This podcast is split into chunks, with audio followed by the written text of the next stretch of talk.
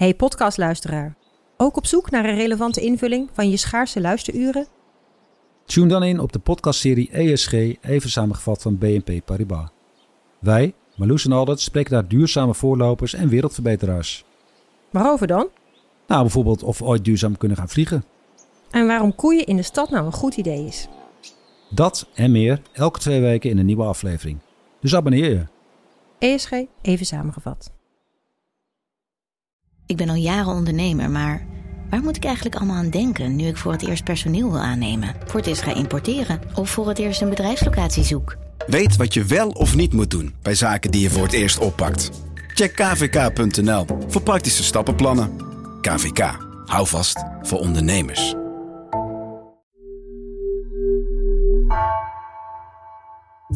Vanaf de redactie van NRC het verhaal van vandaag. Mijn naam is Egbert Kalsen.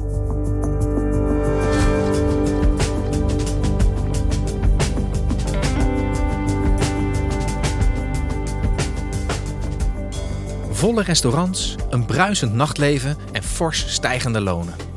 Ondanks de zware sancties die het Westen al twee jaar oplegt aan Rusland, bloeit de Russische economie. Verslaggever Mark Beundeman onderzocht hoe het Poetin is gelukt om Rusland sanctieproof te maken.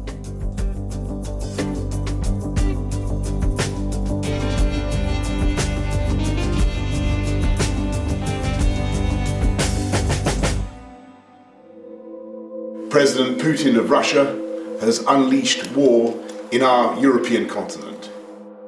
Dieser 24. Februar ist ein furchtbarer Tag für die Oekraïne und ein düsterer Tag für Europa. Het is een daad van ongekende agressie. Op geen enkele manier uh, te rechtvaardigen. Deze daad kan niet onweersproken blijven. Les événements de cette nuit sont un tournant dans l'histoire de l'Europe et de notre pays. Deze week, twee jaar geleden, viel Rusland Oekraïne binnen.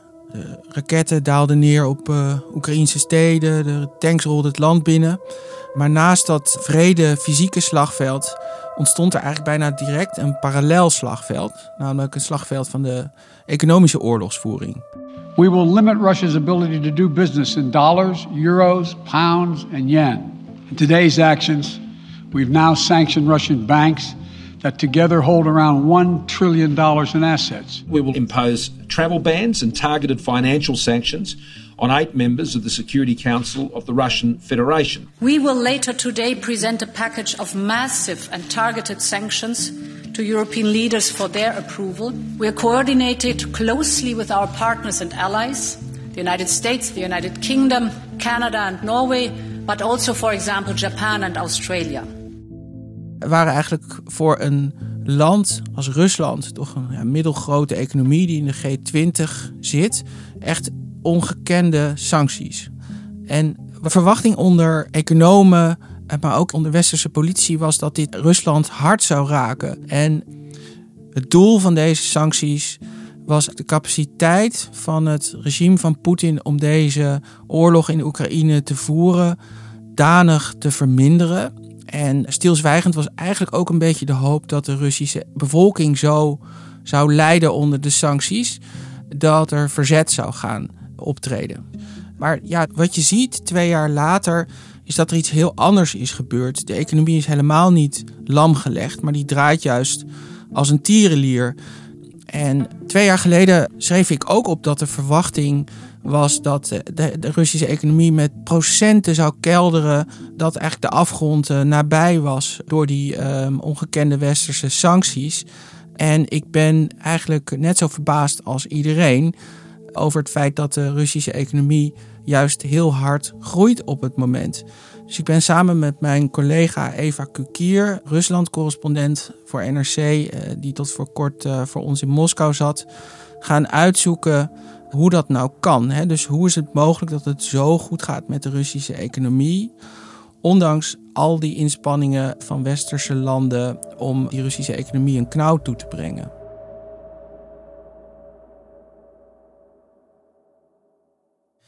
Ja, Mark, de Russische economie draait als een tierenlier, zeg jij, ondanks al die sancties. Hoe, hoe moet ik dat voor me zien? Ja, via de contacten van Eva horen we dat de restaurants in de grote steden gewoon vol zitten.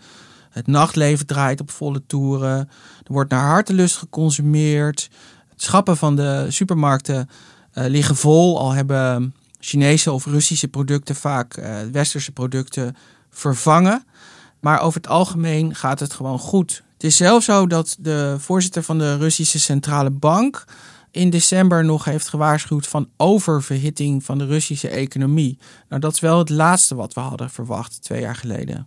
En hoe vertaalt zich dat nou in de cijfers? Ik bedoel, hoe doet de Russische economie? Groeit die echt hard op dit moment? Nou, de meeste economen en ook instellingen als bijvoorbeeld het Internationaal Monetair Fonds verwachten eigenlijk een gigantische klap voor de Russische economie in 2022, het eerste oorlogsjaar.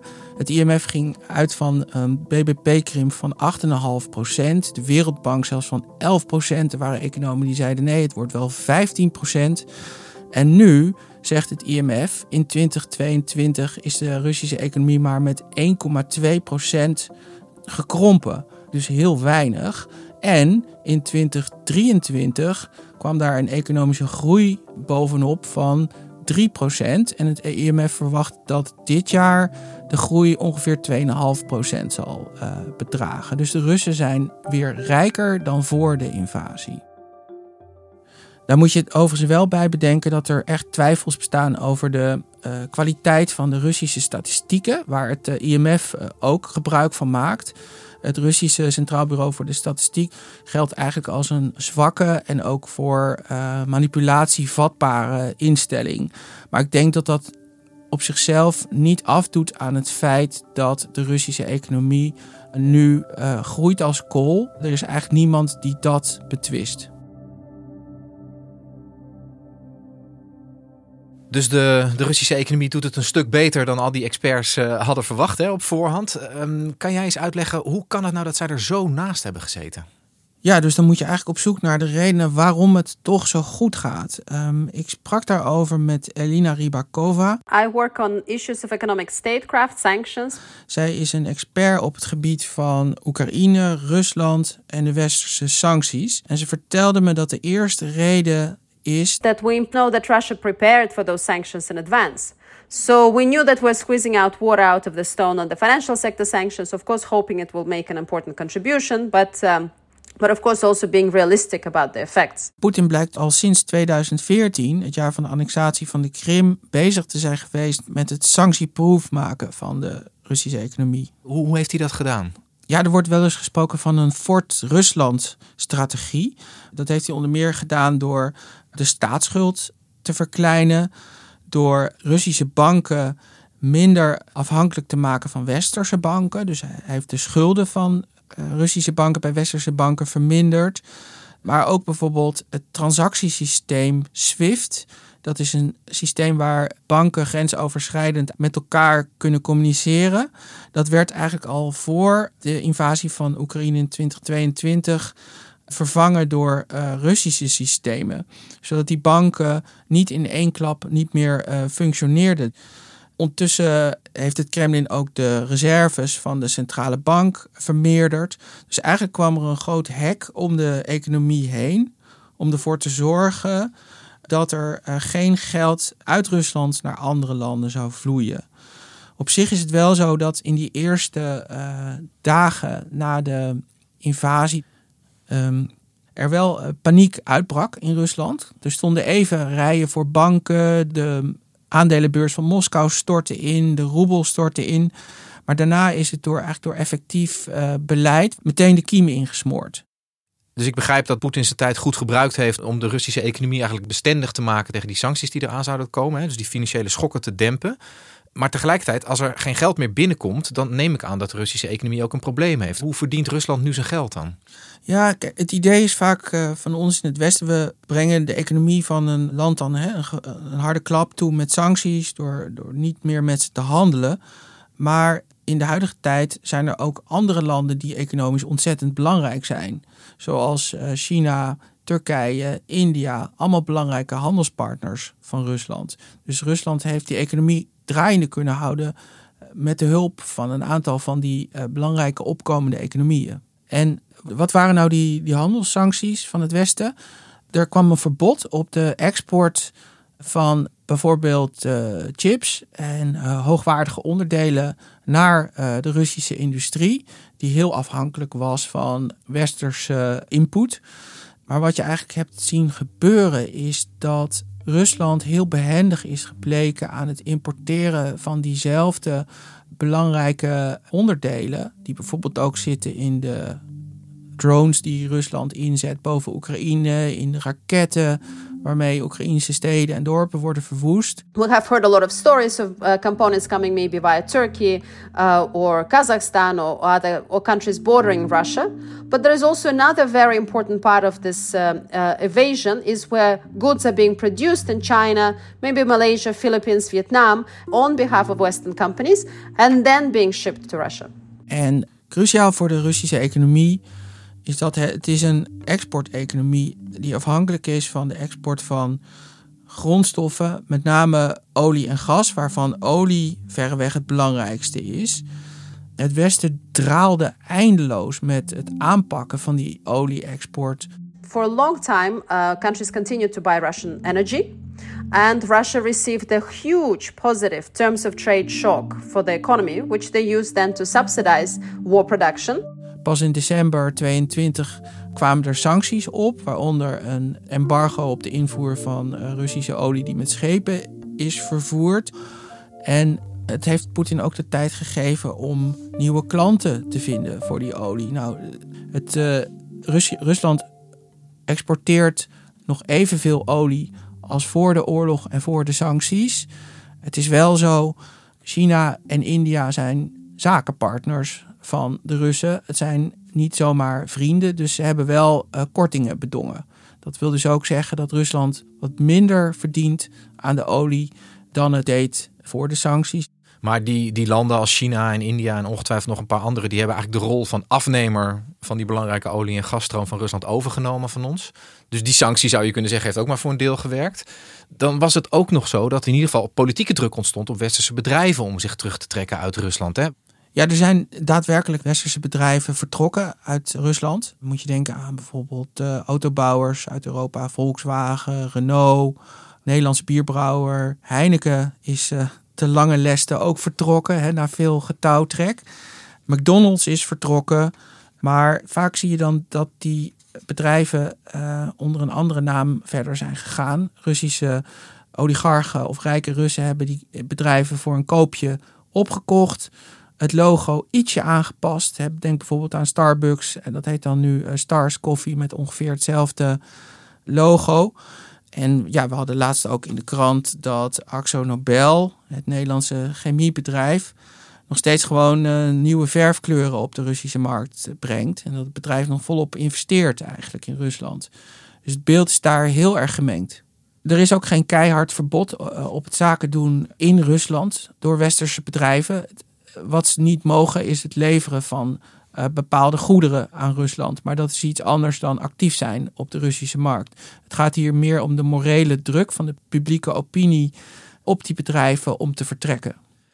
Ja, en Mark, jij vertelde aan het begin ook dat zeg maar, een nevendoel van de sancties vanuit het Westen was om politieke instabiliteit te creëren in Rusland. Ik zeg het een beetje kort door de bocht, maar eigenlijk om via het volk ook de macht van de leider aan te tasten. Hoe, hoe is dat gegaan? Het eerste wat je daarover moet zeggen is dat honderdduizenden anders denken in Rusland en noodgedwongen het land uh, hebben moeten verlaten. Dat duizenden burgers ook zijn opgepakt, zware straffen hebben gekregen. We hebben natuurlijk um, het grote nieuws gehad van de dood van de Alexei Navalny, de oppositieleider. Maar veel van de Russen die zijn gebleven, die hebben het ook gewoon beter gekregen sinds het begin van de oorlog ze hebben meer geld in de portemonnee gekregen. Eigenlijk op, op, op twee manieren. De uh, economie is oververhit. Dat komt uh, in de eerste plaats door de enorme oorlogsuitgaven van de regering. Die zijn verdrievoudigd sinds het begin van de invasie. De oorlogsindustrie draait op volle toeren. Er zijn grote arbeidstekorten. En dat betekent dat werknemers hoge looneisen kunnen stellen en lonen zijn gemiddeld 17% hoger geworden. En als je daar dan de inflatie van aftrekt, 7% is nog steeds 10% hoger. Dat, dat is eigenlijk een enorme boost voor de koopkracht van veel Russen. En nog een wrange realiteit is dat er nu heel veel geld vloeit uh, naar gebieden, vaak ver afgelegen gebieden in Rusland, waar veel soldaten worden gerecruiteerd. Uh, nabestaanden van gedode uh, soldaten krijgen omgerekend de 60.000 euro als vergoeding. 38.000 euro voor gewonden. En dat zijn bedragen die ongekend zijn vaak in dat soort arme gebieden. Dus dan komt er opeens heel veel geld bij. Geld dat allemaal dus kan worden besteed. En dus schiet de consumptie in Rusland op dit moment door het dak. En dat is belangrijk voor president Poetin. Volgende maand vinden er uh, presidentsverkiezingen plaats in het land. En die zullen niet eerlijk verlopen.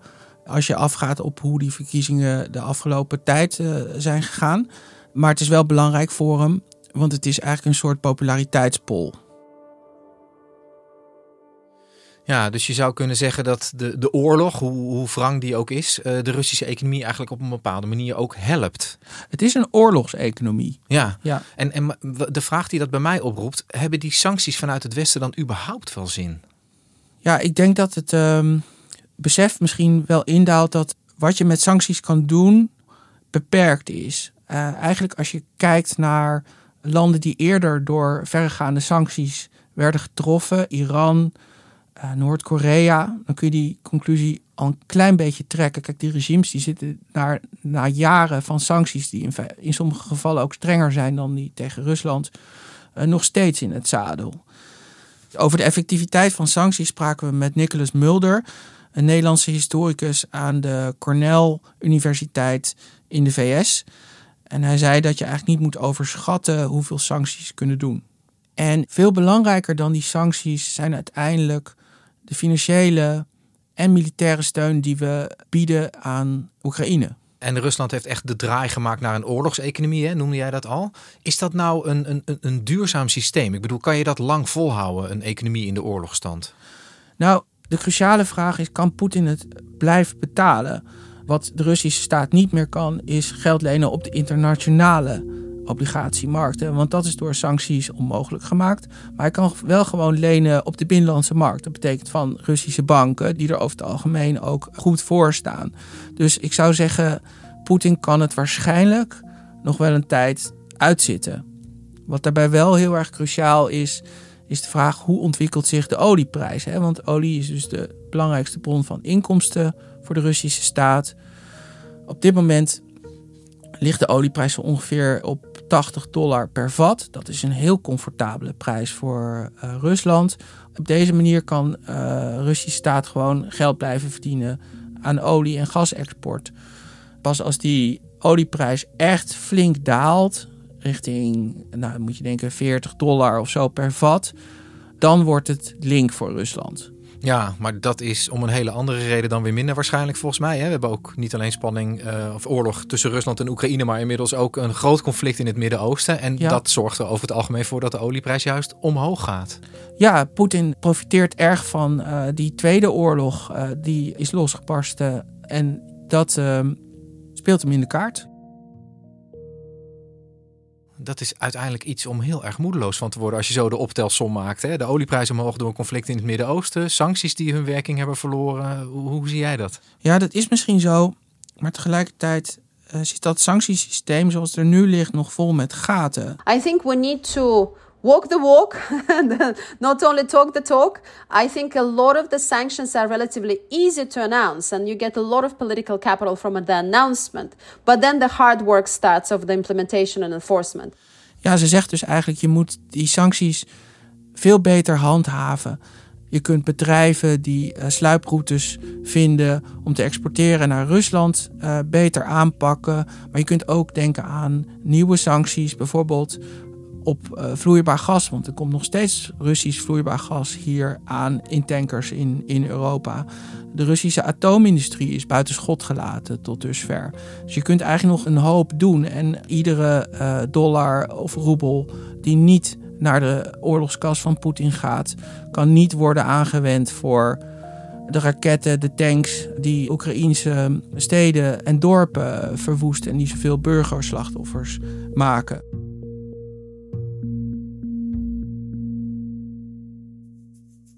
Dankjewel, Mark. Graag gedaan.